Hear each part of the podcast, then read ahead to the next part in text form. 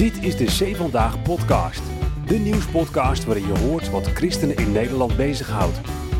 Welke items komen in deze aflevering ter sprake? Presentator Jeffrey Schipper praat je bij.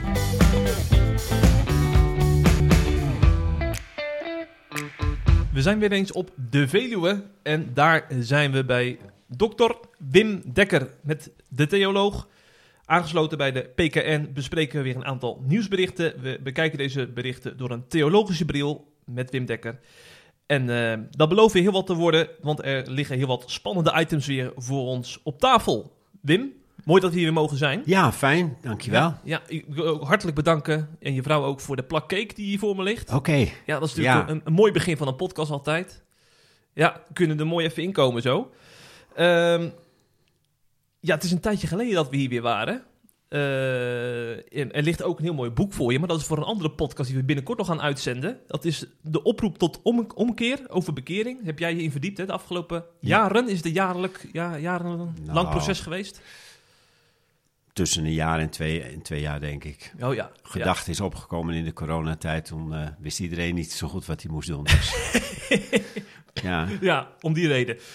Nee, maar daar, eh, daar willen we alvast een beetje reclame voor maken. Dat is de themapodcast over bekering. Die gaat over een tijdje ook online. En daar gaan we uitgebreid over bekering hebben. Eh, maar in deze podcast gaan we natuurlijk eerst nog bij de laatste actualiteiten stilstaan. Want in christelijk Nederland eh, is altijd reuring. En mooi dat jij ook in ons nieuwspanel zit, noem ik het maar even, Wim, om regelmatig wat berichten te bespreken. Maar dat doen we niet voordat we hebben geluisterd naar jou in onze vaste rubriek, hè, de ergernis van de week.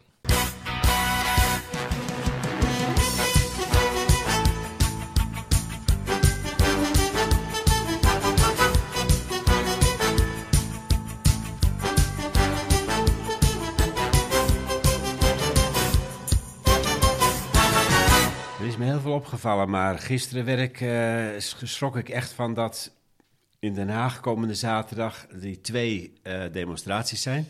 En dat er, dat er dan zelfs Ja, mensen die, die uit twee, welke, twee? Nou ja, Extin- Extinction Re- Rebellion. ja. En, eh, de, en de boeren. Hmm. En de, daar verwachten ze echt een massale opkomst. En dat is ook wel eh, ja, te voorzien, denk ik. Maar dat, het, eh, ja, dat dat dus door kan gaan, maar dat dan tegelijkertijd eh, het leger achter de hand gehouden moet worden. Omdat men al zo rekent op, op, op hele grote opstand. ja. Maar nou, nee, het schokte mij weer van dat, ik, dat de polarisatie in de samenleving, want het zijn natuurlijk twee heel, lijken twee heel tegengestelde belangengroeperingen. Extinction Rebellion voor, de, voor het klimaat. En die gaan heel verder in, die zoeken er ver de randen op. En die boeren, ja, dat weten we al een hele poos. En die zoeken ook helemaal de randen op. En dat die dat willen doen nu voor de verkiezingen, dat snap ik wel.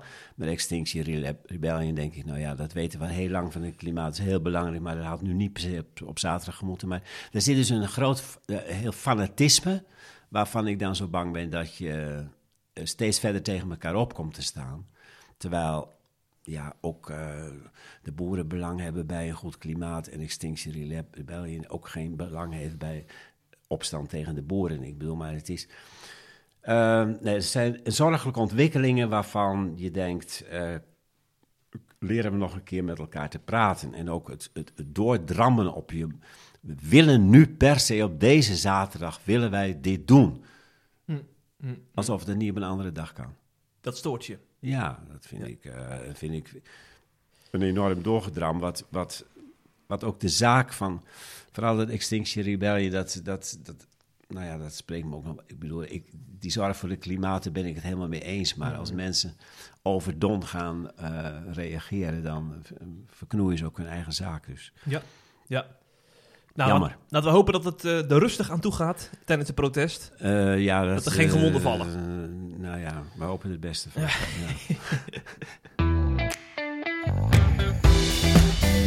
Het laatste nieuws uit christelijk Nederland bespreken we in de Zee Vandaag podcast.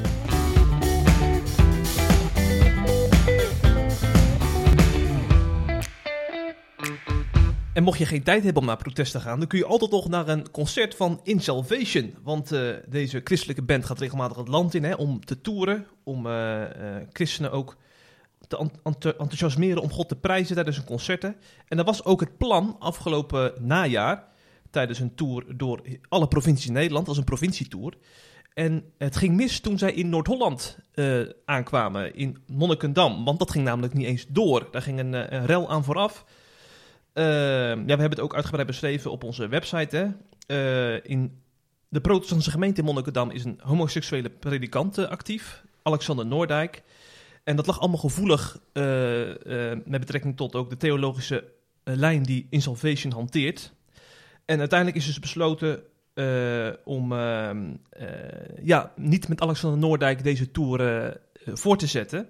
Waardoor er een meningsverschil ontstond. Want de kerk wilde het alleen met Alexander Noordijk doen en niet zonder hem. En dus kwam er helemaal geen concert in Monnikendam. Nou, dat werd uitgemeten in de christelijke media. Eh Insalvation heeft ook veel bedreigingen gehad. Want ook in de seculiere hoek eh, werd het opgemerkt hè, dat er een eh, concert werd afgelast om deze reden. Dus werd de als homofoob afgeschilderd.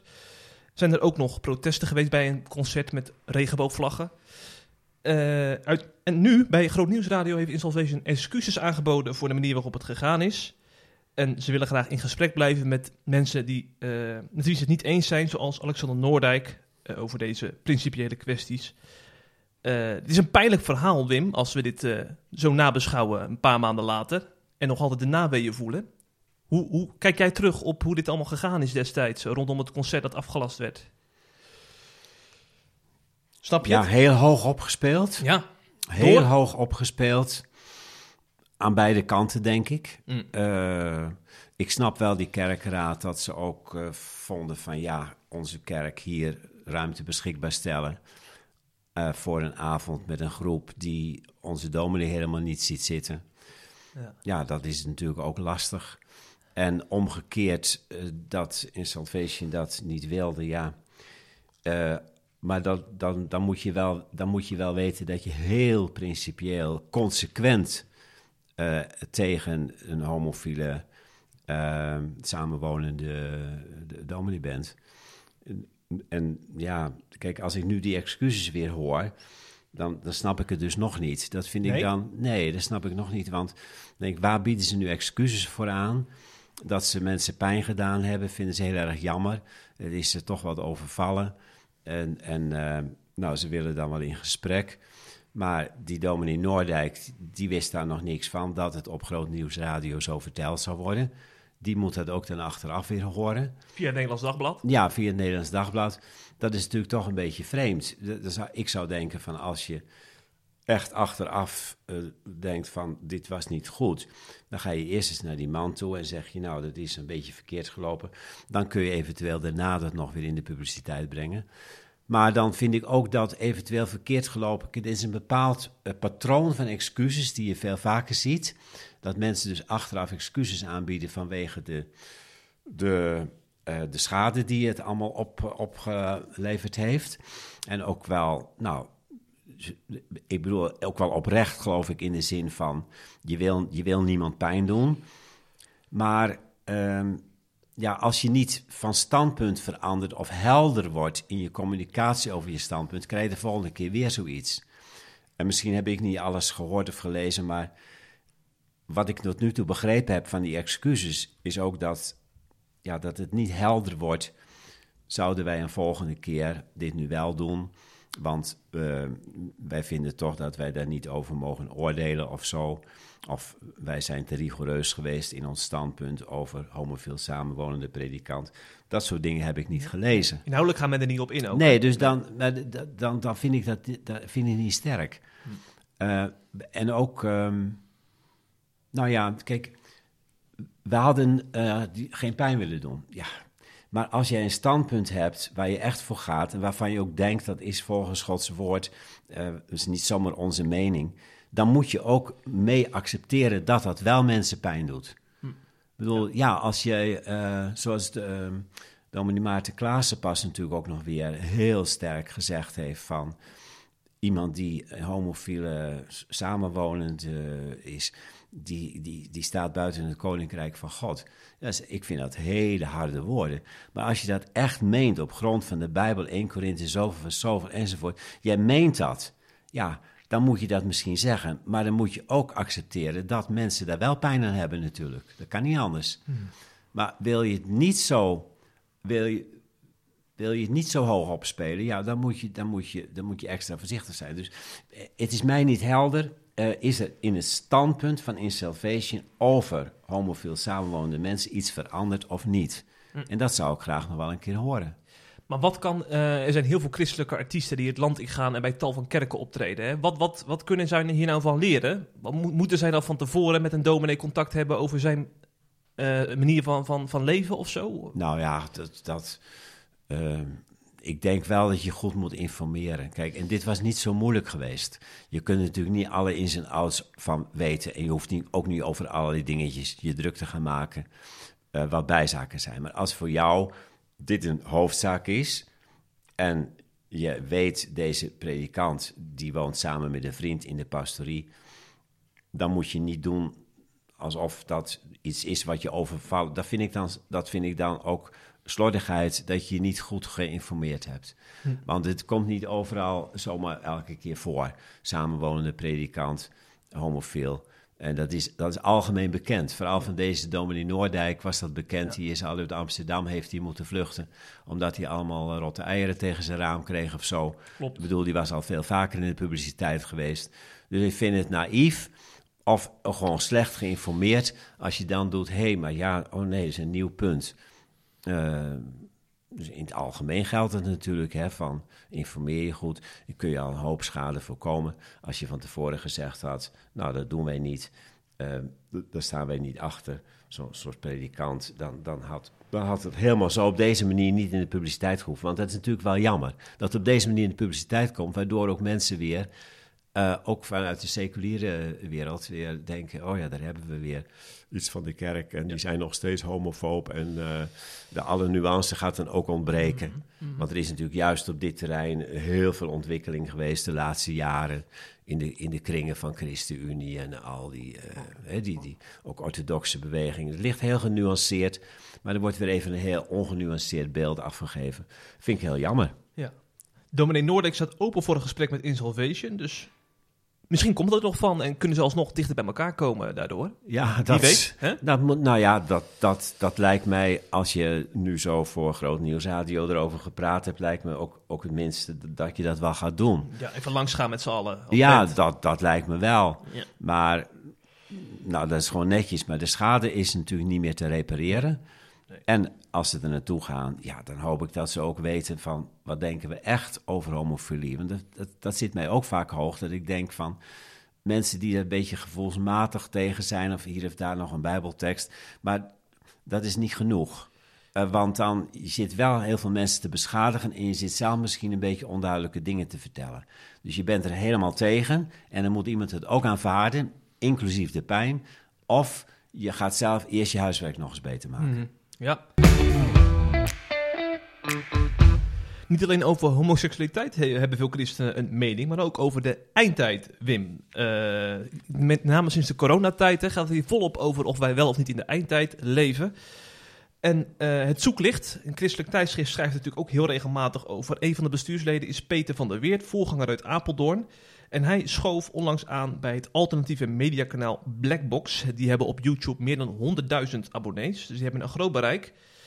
En eh, daar mocht Peter van der Weert maar liefst anderhalf uur over het de, eh, einde van de wereld praten vanuit Bijbels perspectief. Maar niet alleen het eh, eindtijd kwam ter sprake, maar ook wie Jezus is. lijdensvragen kwamen ter sprake. Eigenlijk kwam het hele, hele evangelie kwam aan bod. Heb je iets meegekregen van dat interview Ja, bij Blackbox? Ik heb er wel iets... Ja, ik, ik heb het eh, gedeeltelijk gehoord. Ik heb het ook allemaal nog een beetje nagelezen weer... wat Ja. eh, op papier stond. Wat onmerkelijk gesprek, vond je niet? De dynamiek ook die ontstond. Ja, ja, ja, ja, die dynamiek vond ik heel apart. En ik vond dus daarom het tweede deel ook eigenlijk veel beter dan het eerste deel. Want wat, wat, wat, ontbrak er aan het eerste deel dan? Nou, kijk, hij is in, als ik het goed begrepen heb, is hij ingestapt hier, Peter van der Weert. Ja. Omdat er wordt ruimte geboden aan allerlei afwijkende ideeën. Ja. En ja. eh, nou, wat ik ervan meegekregen heb van dat Blackbox is dat het, dat het dus ruimte geeft aan alle mogelijke complottheorieën waar ik eh, van eh, ril. Ja, die komen er ook uit te sprake. Ja, ja, ja, want dat, dat is er helemaal voor opgericht, dacht ik. Hè? Dat, dat ze, Ja, dus- officieel is het een ander geluid ten opzichte van de mainstream media. ja. Maar als je, de, als je het gaat bekijken, dan komen er ook wel echt complottheorieën aan. Nou ja, ik vergelijk, vergeleek het een beetje van mezelf met Ongehoord Nederland. En Ongehoord Nederland is natuurlijk de publieke omroep. Ja. Maar blijkbaar is dat ook nog niet voldoende dan. Nee, er zijn heel veel alternatieve dat kanalen. Zijn nog, Ja, eh, ja, nog hoor. eh, gekker worden.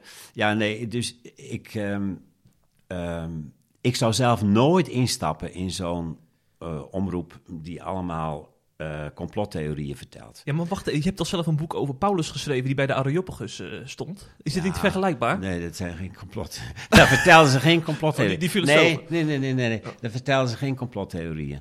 In, de- nee, dat, dat, dat, ik, ik vind dat heel link. Als ik gevraagd zou worden van... wil je bij Ongehoord Nederland iets vertellen over het geloof... dat kan dan bijzonder interessant lijken. Ik zou het niet doen. Absoluut niet. Of the record misschien alleen met de directeur of zo. Niet zonder ja, camera's. Ja. ja, ja. Nee, nee, nee, nee, nee. Kijk, je stapt in een frame. Dat, dat vind ik, ik, ik vind dat, eh, ik vind dat, nee. Ik, snap, Ja. ik snap natuurlijk, kijk, elke kans die je geboden wordt, hè. ehm, dat je denkt, nou, op dit platform, wie, wie, hè, allerlei mensen die ik anders nooit, nooit, nooit spreek, die kan ik nu wat vertellen. Ja, dat, is even een impuls, die, die voel ik ook. Want ik heb ook zo'n soort evangelistenhart. En dan eh, denk je van, saai het aan alle wateren. Maar eh, nee, tweede gedachte is, doe ik niet. Want ehm, ik zit hier in een frame van ehm, wantrouwen ten opzichte van elk redelijk normaal verhaal. Het, de waarheid is altijd heel alternatief. Daarmee ga ik dus ook een, een, een kleur geven aan mijn boodschap. Dat die, dat die bij de alternatieve verhalen zou horen, die eigenlijk een beetje, vreemde, een beetje vreemde verhalen zijn, maar waar wel ruimte voor moet zijn. Maar Terwijl ik juist ja? veel liever, nou, ik wil gewoon vrij, veel liever vertellen dat het evangelie een, een redelijk verhaal is. Dat, het, dat, het, dat je er helemaal geen rare gedachten voor hoeft eh, te hebben die niet kloppen of zo. Maar die presentator Wim, eh, Flavio Pasquino, die dat gesprek leidde, die stond helemaal open voor dat verhaal van Peter. En die, die vroeg ook echt door van, eh, maar wat moet ik dan met die Jezus en wat moet ik bij de wederkomst voorstellen? Dus hij had ook alle ruimte om dat uit te leggen in dat interview. Viel mij maar, op. Ja, maar de mensen die... Kijk, je wil mensen bereiken. Ja. En de mensen die daarop afstemmen, dat zijn mensen die vertrouwen niets in niemand. Want die willen allemaal dat alternatieve horen waar hele rare eh, dingen bij zitten. En dan eh, breng je jouw verhaal in dat kader. Dus, nou ja, en, en met, eronder ligt ook diep wantrouwen van... Ja, eh, al die dingen die gebeuren, daar zitten eh, complotten achter, zeggen dan mensen. En hij zegt, daar zit een geestelijke wereld achter van demonen en, en, en waardoor we aangestuurd worden en zo. Maar je, je blijft in dat framework zitten. Ik, ik vind het twee, het verrassend, vond ik. Kijk, en Ja. daarom weet je nooit hoe het loopt en dat God er ook iets mee doet. Hè, dus dat, dat weten we nooit. Want verrassend vond ik dat hij dus in het tweede deel van het gesprek een veel meer eh, inhoudelijk gesprek kreeg over wat is nu het christelijk geloof. Precies. En dat die eh, goede vriend, eh, hoe heet hij? Flavio Pasquino. Ja, ja die, eh, die dus begon ook echt te vertellen van zijn eigen achtergrond en waarom hij ooit de kerk verlaten Ja. had en de Heel frustraties persoonlijk daarover. het. Heel persoonlijk. En dat toen de, Peter van der Weert gewoon de goede boodschap, het evangelie kon gaan vertellen. Want kijk, dat is mijn punt altijd met zoeklicht en allerlei andere groepen. Van wat is nu je bedoeling? Ja, als je het evangelie wil vertellen, dat Jezus Christus de redder is en dat we niet zonder hem kunnen en dat er twee wegen zijn uiteindelijk, dat is goed. Maar er komt een heel verhaal bij over waar we nu precies zitten in de eindtijd en dat dan eh, opletten geblazen is, want dan eh, gaan er nog allemaal dat- dat soort dingen gebeuren eh, waar we van zullen schrikken, maar dat zal dan meevallen als je wel in Jezus gelooft. Nou, dat hele verhaal komt erbij en daarvan denk ik, dat vind ik eigenlijk secundair. Dat is een, een verhaal dat, waaronder christenen verschillend over gedacht wordt. Eh, een eerste wederkomst van Jezus en een tweede en een duizendjarig rijk en al die... Ja. Daar, daar denken heel veel mensen verschillend over. Dus laat dat nu eens even zitten. Als jij de mensen wil bereiken eh, waarvan je denkt, die kennen Jezus niet... vertel dan het positieve verhaal over het evangelie... waarom het een blijde boodschap is. En gelukkig kwam die daar in zijn tweede deel aan toe. Ja, dat was wel heel En bijzonder. hoop ik dat mensen daar iets van opgepikt hebben. En dat ze dan niet meteen denken dat je ook bepaalde opvattingen moet hebben over waar, waar, waar we nu zitten op de wereldklok en hoe, hoe laat het is. Want dat vind ik zelf ook. Ik vind het allemaal interessant om dat te lezen. Maar ik vind het zelf verwarrend vaak voor de communicatie van het evangelie. Want daar kun je ook heel veel sceptisch bij ontwikkelen. Er is al zo vaak gezegd dat de wereld zal vergaan. En Jehovah's getuigen hebben het dan drie keer voorspeld, is niet doorgegaan. Eh daar heeft er nog eens een dominee ook gezegd. eh, een bekende dominee Botterblij, binnen 25 jaar zal het gebeuren dat Jezus wederkomt. Toen Eigenlijk heeft hij, heeft laatst ja. weer gezegd dat hij dat zo niet bedoeld had. Oh ja. D- Maar dat schiet allemaal niet op. Nee, nee. Zeker niet, ook als je op een seculier kanaal kunt. Vertel het positieve verhaal. Wie is. Jezus Christus voor ons nu? Ja, en Peter van der Weert zegt, we zitten in de allerlaatste fase van de eindtijd. En dan be- betrekt hij dat ook op eh, openbaring 13, hè, van het merkteken van het beest. En dan verwijst hij bijvoorbeeld naar eh, eh, technieken waar ze nu mee bezig zijn, waarmee je kunt verkopen en, kopen en verkopen, die ze dan op je huid willen gaan plakken met een tatoeage. Ja. En uiteindelijk in het einde der tijden zullen mensen die niet buigen voor het beest, die dat weigeren, kunnen dus niet mee met de wereld. En die worden dan buiten gesloten. Dat heeft volgens hem dan een betrekking op openbaring 13. Is dat, is dat een, een lijn die je dat- kan dat- trekken? Dat, past, natuurlijk, eh, dat past natuurlijk prima bij eh, verhalen eh, die mensen dan willen horen over allemaal bizarre dingen. Zoals ze daar verder allemaal bij die blackbox zitten te Maar het beluisteren. kan realiteit zijn als je naar de ontwikkelingen kijkt nu. We zijn veel met digitaal geld bezig. Ja, dat kan wel. Maar dan kunnen we over tien jaar eens kijken waar dat precies... Nee, dat is speculatief. Er zijn natuurlijk, dat zijn van die ontwikkelingen die zijn aan de gang. En dan denk je, ja, waar gaat dat precies naartoe? Nou, dat zullen we zien. Eh, ik vind het heel speculatief, want wetenschappelijk eh, is er niks van te zeggen hoe dat zich ontwikkelt. En eh, de wal keert het schip ook heel vaak, zie je bij heel veel ontwikkelingen. Misschien gaat het ook wel nog meer die kant op, zou kunnen. Maar dat is vroeg genoeg om het er dan nog eens over te hebben. Kijk, dit is een, een, dit is een framework van eh, de eindtijd, zoals ze dat bij Zoeklicht al heel lang ontwikkeld hebben. En waar we dan ongeveer zitten. En dan wordt eh, openbaring 13 erbij gehaald. En dan wordt, eh, nou ja, dat is dus een, een, een verhaal. En daarbinnen, ja, het past alleen maar goed eh, omdat het digitale, want dat is nu weer nieuw natuurlijk, dat het, dat het contante geld misschien steeds verder afgeschaft gaat worden, dat het dan digitaal eh, wordt. We zullen zien. Maar kijk, binnen die, eh, binnen die gedachtegang van het zoeklicht past dat heel goed.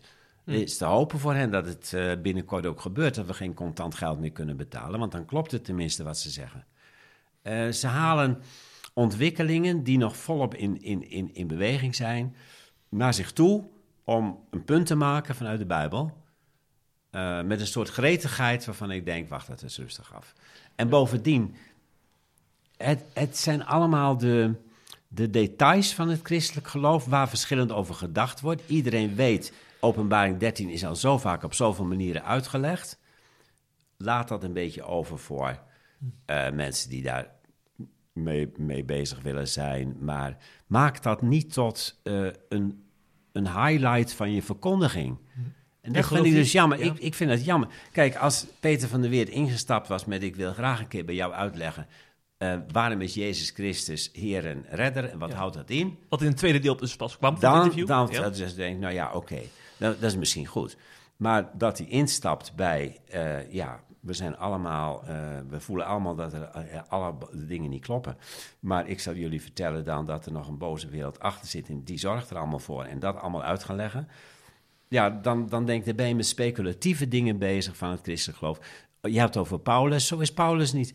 Paulus op de Areopagus, daar wordt van alles verteld, eh, door die wijsgeren natuurlijk, ook aan theorieën, eh, elke dag. Maar Paulus gaat niet hele ingewikkelde verhalen vertellen over, eh, eh, hoe, van, van wereldbeschouwing. Hij gaat heel eenvoudig vertellen dat eh, Jezus is Heer en je moet je eh, tot hem bekeren. Ja. En, en dat is het. En nou ja, ik bedoel, hij, hij, hij laat zich niet, niet verleiden om een hele. Ja, ik heb weer, wereldbeschouwing. Hè. Mensen hebben ook heel veel behoefte aan. Mensen hebben heel veel behoefte aan dat, ehm, eh, dat ze een beetje een plaatje hebben van hoe het in elkaar zit. Desnoods is het eng, maar als ik een soort grip op heb, hoe het in elkaar zit, geeft toch een goed gevoel. Dat heb je bij die complottheorieën natuurlijk ook. Er gebeuren allerlei dingen, dat weten we niet precies. Ja, maar als ik het nu zo in, de, in die theorie vang, dan begrijp ik het allemaal ineens wel. Dan zie ik hoe alles met alles verband houdt. Nou, en zo heb je er ook een christelijke variant van. Uh, door de eindtijd helemaal te willen uh, kunnen beschrijven dan weet je in ieder geval hoe het zit. Weet je? En de nieuwe dingen die er gebeuren, pas je in in dat verhaal. Um, maar dit ligt volgens mij veel meer open. Ja. En uh, er is ook in het verleden heel vaak zoiets gezegd. En dan kwam het weer half niet uit. En dan moest die theorie weer bijgesteld worden. Als je de jaargangen van het zoeklicht van de afgelopen honderd jaar zou lezen, dan zou je elke keer merken dat ze van alles precies wisten hoe het in de eindtijd zat. Ja. Maar ik weet niet of iemand er wel een studie van gemaakt heeft, maar je zou er natuurlijk aan de hand van allerlei historische gebeurtenissen daarna kunnen zeggen. Maar het was toch net iets anders. Het was toch nog net iets anders. Hè? Dus dat, dat, maak je, dat maak je het geloof zwakker ja. in plaats van sterker. Maar even los van, uh, van het eindtijdverhaal. Uh, meer dan honderdduizend mensen hebben nu het interview bekeken. Waarvan heel veel mensen die niks met het geloof hebben. Mag je dat dan zeggen van, dan is het toch goed geweest? Want de naam van Jezus is genoemd. Hij heeft de brede en de smalle weg genoemd. Bereid je voor op de wederkomst. Dan is het toch ergens goed voor geweest, zou je zeggen. Met zo'n bereik. Honderdduizend luisteraars. Ja. Ik heb al zo iemand horen zeggen, God kan ook krommelstokken gebruiken. Ja, nou ja wij, ja, wij gaan daar niet over. Ik weet het niet. Kijk, dat, dat, dat de, um, als, als iemand um, op grond van het slotverhaal. Kijk, dat was heel authentiek ook, hè? Ja, dat, dat het gaat ook om authenticiteit, hè? Ja. Van dus die, uh, die interviewer die, die vertelt heel persoonlijk van ja, waarom die afgehaakt is van het geloof. En dan Peter van der Weert die vertelt heel persoonlijk wie Jezus Christus voor hem is en de verlossing en hoe belangrijk dat is. En dan, um, ja, als dat bij iemand blijft haken, dan, dan, dan dat, dat is mooi natuurlijk, dat kan. Ik ga, er, ik ga er gelukkig niet over hoe God dit wel of niet gebruikt. Hè? Ja. Ik heb alleen mijn eigen verantwoordelijkheid. Hm. En denk van, moet ik zo'n kanaal gebruiken? Hm. Nou, en dan zou ik dus... Je zelf een andere keuze maken. Niet beginnen met al die verhalen over de eindtijd, nee. Nee, nee, nee. nee. Want ook, kijk, als mensen nu, als mensen nu tot stel dat mensen tot geloof komen door deze, uh, door, door het verhaal of tot geloof, dus ze worden nieuwsgierig naar het geloof, hebben ze toch wel, ja, dan zijn ze ergens oh ja, Jezus Christus, is dus toch belangrijk, christelijk geloof, moeten we erin gaan verdiepen. Maar dan hebben ze ook dat hele verhaal al meegekregen over ja. eindtijd en van alles en nog wat. Blijven in de sfeer. Ze zitten helemaal in die sfeer van complotachtig iets en het is allemaal eng en weet ik wat. En daarbinnen dan Jezus. Ik vind niet zo'n goede context. Nee. Een hele andere context waar je ook in actief kan zijn als voorganger is kerkplanting. Uh, Theo Visser, we kennen hem als uh, een van de bekendere kerkplanters in Nederland, een evangelist. Die heeft de afgelopen jaren heeft hij, uh, is hij veel bezig geweest met multiculturele geloofsgemeenschappen in Rotterdam. Hè. Leef is ook wel bekend geworden, het Leefnetwerk.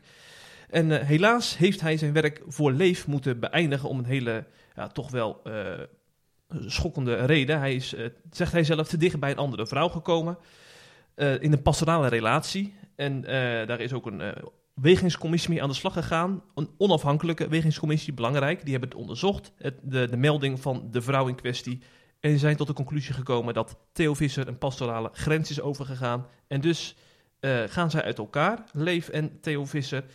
En uh, dat is natuurlijk eigenlijk wel een persoonlijk drama, Wim. Als je om die reden als kerkplant en evangelist, geliefd toch wel in grote delen van christelijk Nederland, om die reden je werk moet beëindigen. Hmm. Of niet? Ja. ja, dat is voor het hele netwerk en voor uh, het getuigenis eromheen. Uh, en voor hemzelf natuurlijk. Dat is, uh, ja, dat is heel triest. Ja. ja. jammer. Kun je ja. buitenstaander ook nooit helemaal zeggen van of dat dan... Of je nu helemaal weg zou moeten bij Leef. Dat, dat weet ik dus ook niet. Uh, maar goed, dat zij dat zo zorgvuldig bekijken, laat ik dat wel zeggen. Ja. Eh, want je hebt natuurlijk vaak in die vrijere groepen en bewegingen ook allemaal dat het niet helemaal zo goed geregeld is. Ehm, en dat leiderschap zo torenhoog boven de rest verheven is. Dat als iemand dan een misstap begaat, dan, weet ook, eh, dan weten ze niet precies hoe ze ermee om moeten gaan. Ik heb het idee dat dat bij Leef dan wel veel beter eh, Ja. in elkaar zat. Dus de raad van advies is erbij betrokken. Ja, heel- dat, dat lijkt me heel goed. Ja. Dat, dat lijkt me heel goed. Maar verder is het natuurlijk heel erg eh, verdrietig. Ja. Theo Visser heeft ook een schuldbeleidings gedaan. Hè? Dus het is ook wel belangrijk om te zeggen dat hij zelf bewust is van het feit dat hij een grens over is gegaan. En dan citeer ik even uit de schuldbeleidenis. Hij, hij citeert Psalm 51, vers 3 en 4. Wees mij genadig, o God, overeenkomstig uw goede tierenheid. Delg mijn overtreding uit overeenkomstig uw barmhartigheid. Was mij schoon van mijn ongerechtigheid. Reinig mij van mijn zonde. Want ik ken mijn overtredingen. Mijn zonde staat mij voortdurend voor ogen. En deze diepe psalm spreek ik na, zegt hij dan, Theo Visser. Ik ken mijn overtredingen, ik schaam me diep en neem mijn volledige verantwoordelijkheid omdat ik te dicht bij een andere vrouw gekomen ben. Wel, wel heel... Hij gaat wel echt diep door het stof hiermee, eh, Wim, met de, deze schuldbeleidenis. Ja. Je hebt, je hebt de hele schuldbeleidenis ook ja, gezien. ik heb het gelezen. Ik vind het wel, vind het wel heel erg persoonlijk en teer. eh, dat je dat dan ook zo in de publiciteit brengt. Dus daar heb ik wel een beetje. Ja. Ik kan een beetje. Misschien ook om zichzelf te verdedigen, misschien ook. Ik heb Want een beetje dubbel gevoel Ja? bij. Nou ja, kijk, het is zo, eh, ge- zo, zo kwetsbaar, gelovig eh, opgeschreven uit diepst van je hart. Dat je er bijna geen kritiek op durft te Ja. hebben, natuurlijk. Ja. Maar als je er ietsje afstand van neemt, denk je wel, ja. ehm, ik vind er ook een schaduwkant aan zitten. Dat je wel, dat je ook jezelf wel weer heel groot maakt op de een of andere manier. In, ehm, in dit verhaal. Er is alle reden om heel klein te worden. En dat doet hij ook en zo. Daar doe ik ook helemaal niets van af. Maar met dat je het zo helemaal in de publiciteit brengt, het blijft niet intern. Ik bedoel, we zitten er hier over te praten. eh, wordt het ook groot gemaakt. En miste ik in toenemende mate, een paar dagen een beetje, zat ik er wel eens even over na te denken. Dan, dan schik je dit en dan weer, dat weer te binnen. Maar miste in toenemende mate toch ook wel de stem van die vrouw om wie het dan gaat. Maar wie echt beschadigd is, is die vrouw. Wie is die vrouw? Ja, die die vrouw hoeft niet tegelijk ook in de publiciteit natuurlijk. Maar ik zou wel eens benieuwd zijn, wat vindt die vrouw daar nu van? Wat vindt die vrouw daar nu van dat dit zo uitgemeten wordt en dat daarbij Theo weer ook in zijn oprechte schuldbeleidenis, tu- zeker, maar toch zo in het centrum staat. Zij is de anonieme, weet ik wie, en, maar zij zit met het probleem. Ehm, ik vind het, ja, eh, ehm, Maar misschien toch goed om te zeggen waarom Theo dan hiermee naar buiten komt. Want er is in het Nederlands Dagblad is er het woordje misbruik aan deze zaak gekoppeld. En dat vond hij echt te ver gaan. En toen voelde hij zich ook gedwongen om zich te Oh. verdedigen naar buiten toe. Van, eh, eh, dat, hij, dat het dus niet... En want het, het komt over alsof het een soort voice-schandaal is. Weet je wel, wat Ja. we bij de Voice of Holland hebben gezien. Maar dat Ja. is niet zo. Het, nee. het gaat niet om misbruik. Het gaat echt om eh, een, een grens die je op pastoraal gebied bent overgegaan. Ja. Er is ook geen seksuele gemeenschap heeft er plaatsgevonden, Nee, zegt de Raad van ja, Advies. Ja, ja, nee, dat is Dus is, zo. dat is wel lastig Dus voor hem ook, hè? Daarom is het ook lastig voor ons. Ja. wat, dat wij er wat van weten. Wij hoeven niet alles te weten. Nee, Maar met dat het dus eh, publiek wordt, ja. ja, we, denken wij wel dat wij veel weten. En dan blijkt het ook toch weer heel genuanceerd te liggen. Dus dat veel grijs gebied, ja. vind ik heel lastig. En ja, wat hij zelf natuurlijk zegt, hij is nu ook in, in coaching, of nou ja, een psychologische eh, training en zo, om, om, om te kijken van hoe heeft dat te maken met, met jezelf. Dat is allemaal heel goed. Wat ik er, eh, ja, want kijk, dit is nu van Theo Visser, maar eh, onder predikanten is natuurlijk ook algemeen bekend dat je, dat je daar ontzettend op moet letten. En Ja. dat wel vroeger, in de, in de opleiding vroeger werd er niks aan gedaan hoor. Hm. En nu in de opleiding wordt wel heel veel aan gedaan. En ook veel predikanten gaan zelf een, eh, een eh, KPV, klinisch pastorale vorming, nog weer doen als ze een tijdje bezig zijn. ja. Omdat je, ja, je- wie ben jij zelf? Waar liggen jouw zwakke plekken? En hoe kun je dan toch in situaties verzeild raken die je nooit bedoelde? Is heel belangrijk dat voorgangers natuurlijk hun, eh, hun plek daar, Ja. eh, dat ze zichzelf kennen. ja. Mag ik even een reactie voorlezen van de C vandaag lezen? Want dat sluit bij jouw verhaal aan. Dat is, eh, even kijken, zij heet Jola Vos. En zij schreef onder onze nieuwsartikel... Een basisregel voor pastoraat is geen therapie geven aan het andere geslacht, want dan kun je last krijgen van gevoelens. Dat is heel reëel. Dus mannen praten met mannen, vrouwen praten met vrouwen. Dat, het is het verstandigst. Nu Theo daarachter is gekomen en zich oprecht probeert te bekeren, kan hij verder gaan hoe het hoort. Alleen met mannen praten. Is dat, is dat hoe het pastoraat in, in, eh, eh, zou moeten horen? Nou, dat denk, dat, ja, dat denk ik ook weer niet. Want Mm. ik ken ook helaas eh, meer dan één voorbeeld van eh, vrouwen die in het pastoraat ontdekten dat, dat ze lesbische gevoelens hadden en die met de pastorant een lesbische relatie zijn begonnen. eh, terwijl ze getrouwd waren. Ja, dus Of die andere getrouwd was. Nee, kijk, seksualiteit is nooit weg. En er is ook homoseksualiteit. En er is ook verborgen homoseksualiteit. die openbaar kan komen in contacten met anderen die ook nauwelijks weten dat ze homo zijn. Er kan van alles gebeuren. Dus eh, eh, ja, was het maar zo simpel, zou ik zeggen. Ja. Maar zo simpel is het ook echt niet. Het gaat er toch meer om dat je ja, dat je jezelf goed kent en dat je en dus ja, de situatie van afhankelijkheid altijd beseft. En dat mis ik eigenlijk ook een beetje in dit verhaal van Theo. Van, kijk, eh dat viel me zo sterk op in al die andere eh, verhalen over eh, grensoverschrijdend gedrag en zo. Wordt, wordt altijd machtsmisbruik genoemd. Hè? Dat wordt ook helemaal geframed als machtsmisbruik. En over seksualiteit hoor je dan bijna niks meer. Want dat is natuurlijk onze cultuur. Seksualiteit is zo'n beetje heilig, maar macht is vies. En ja, daar, daar staan wij natuurlijk toch ook als christen nog wel een beetje anders in. Van eh, macht is niet goed, maar de seksualiteit zelf is ook een gevaarlijk ding. Daar moet je altijd een beetje, dat is heel mooi, maar ook gevaarlijk. Dus daar moet je altijd een beetje op letten. En ehm, eh, ja, die combinatie, maar die combinatie natuurlijk van dat je ook in een afhankelijkheids... zo- Zo'n pastorant zit in een afhankelijkheidspositie en dat je daar ook te weinig van bewust bent. Dat kwam ik nu in die beleidenis van Theo weer niet zo tegen. Het ging, ging helemaal over, ik eh, heb mijn seksualiteit niet op orde. Ja, ja. Nou, we wensen Theo en ook de betrokkenen die een melding heeft gedaan natuurlijk veel sterkte toe. Hè, want het zijn moeilijke tijden voor hen om ook een, herstel, een herstelproces in te gaan. Dat zal niet Ja, en alle respect, hè? Want Ja. eh, we zitten zo over te praten, maar alle respect eh, ook voor hem eh, dat hij op deze manier zich zo kwetsbaar Ja. st- stelt. Ja. Ja. En het samen met zijn eigen vrouw ook het proces ingaat, hè, want ze willen elkaar vasthouden. Hè? Je ziet vaak dat het ook nog dan kapot gaat als hij naar buiten komt. Zij, zij gaan met elkaar door. Ik wens hem van harte zegen daarbij. Ja, ja, zeker. Zeg, wij sluiten tegenwoordig onze podcast af met de uitsmijter van de week, eh, Wim, om eh, eh, de podcast nog meer kleur te geven. En als het goed is, heb jij een verhaal.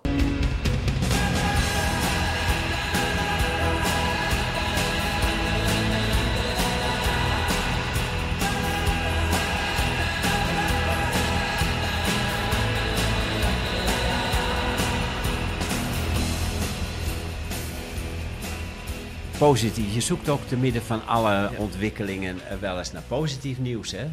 En eh, ja, die, die- dat positieve nieuws is, is er ook wel. Ik, ik had het straks in de podcast over dat de wal het schip wel eens keert en zo. Wat ik dan nu heel sterk eh, zag ik dat toen ik wat las over het laatste boek van Marlie Huijer. Er was een denker des vaderlands tot voor kort. Een filosoof, een seculier. Maar die heeft nu een boek geschreven dat heet Ritme. En, en dat eh, doet zo'n groot pleidooi voor de, voor de wekelijkse rustdag. En niet maar een wekelijkse rustdag. Eh, iedereen moet ook eens een keer op tijd aan zijn rust komen. Nee, de wekelijkse rustdag, zoals dat in de Joodse en christelijke traditie altijd geweest is. Die ene dag en dan lag het leven een beetje stil. En eh, onze doorgedraaide wereld heeft dat buitengewoon nodig.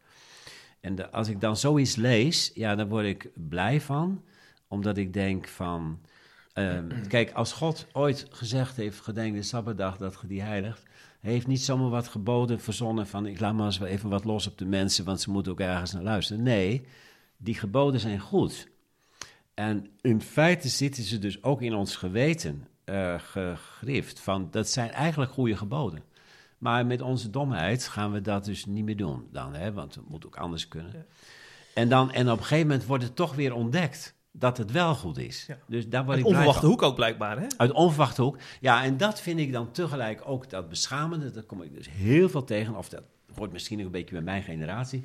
Kijk, ik ben opgegroeid in een tijd eh, dat allerlei christenen eh, vonden van het hoeft niet meer zoals vroeger. En dat ging allemaal zo door. Jaren 60, 70, 80 enzovoort. En eh, eerst de meest eh, frivole christenen, om zo maar te zeggen. Dan de iets meer orthodoxe. En het laatste de hele orthodoxe. Het hoeft niet meer zoals vroeger. En vooral ook wat die zondag betreft, zit, dat zat, zat me ook altijd hoog. Ik denk, wat die zondag betreft is zo'n groot geschenk. Maar ik sprak steeds mensen die zeiden van... eh, ja, maar het hoeft dan niet meer zoals vroeger. En dan kon er steeds meer bij door.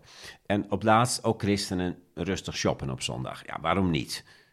Eh, evangelische christenen die heel serieus met de Bijbel bezig zijn. Maar nee, dat is allemaal een beetje van het Oude Testament. En je kunt ook op woensdagavond Bijbelstudie gaan houden. Je kunt op zondag rustig weer wat anders gaan doen. Ja. Nou, en dat zijn hele domme ontwikkelingen van christenen. En daartegenover, uit de wereld ineens, gaat een lampje weer branden. ja. En dat maakt me toch heel blij. Ja. Mooi. Een hoopvol einde van deze nieuws nieuwspodcast, eh, Wim. Eh, bedankt voor je bijdrages. En ik zou nogmaals willen zeggen, luister binnenkort naar de themapodcast over bekering. En volgende week weer een nieuwspodcast met onze vaste redacteur. Wees er dan weer bij. Tot dan. Hopelijk heb je genoten van deze C Vandaag podcast. Volgende week is er weer een nieuwe aflevering. En blijf via cvandaag.nl op de hoogte van het laatste nieuws uit Christelijk Nederland.